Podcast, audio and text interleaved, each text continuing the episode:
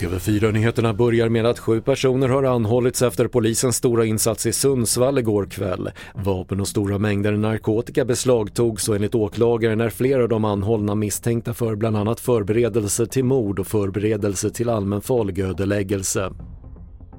Ett område i centrala Jönköping spärrades av tidigt under morgonen efter en misstänkt skottlossning. Polisen har konstaterat skador på en fastighet men det finns inga uppgifter om skadade personer eller gripna.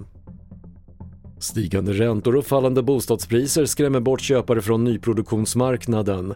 Enligt Hemnet såldes 43% färre nya lägenheter under sista kvartalet i fjol jämfört med året innan och för nyproducerade villor och radhus sjönk försäljningen med hela 60 % och för lite och för dålig nattsömn i tonåren är kopplat till ökad risk att drabbas av nervsjukdomen MS senare i livet enligt en ny svensk studie.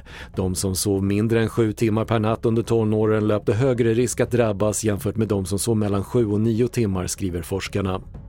Fler nyheter på TV4.se. Jag heter Patrik Lindström.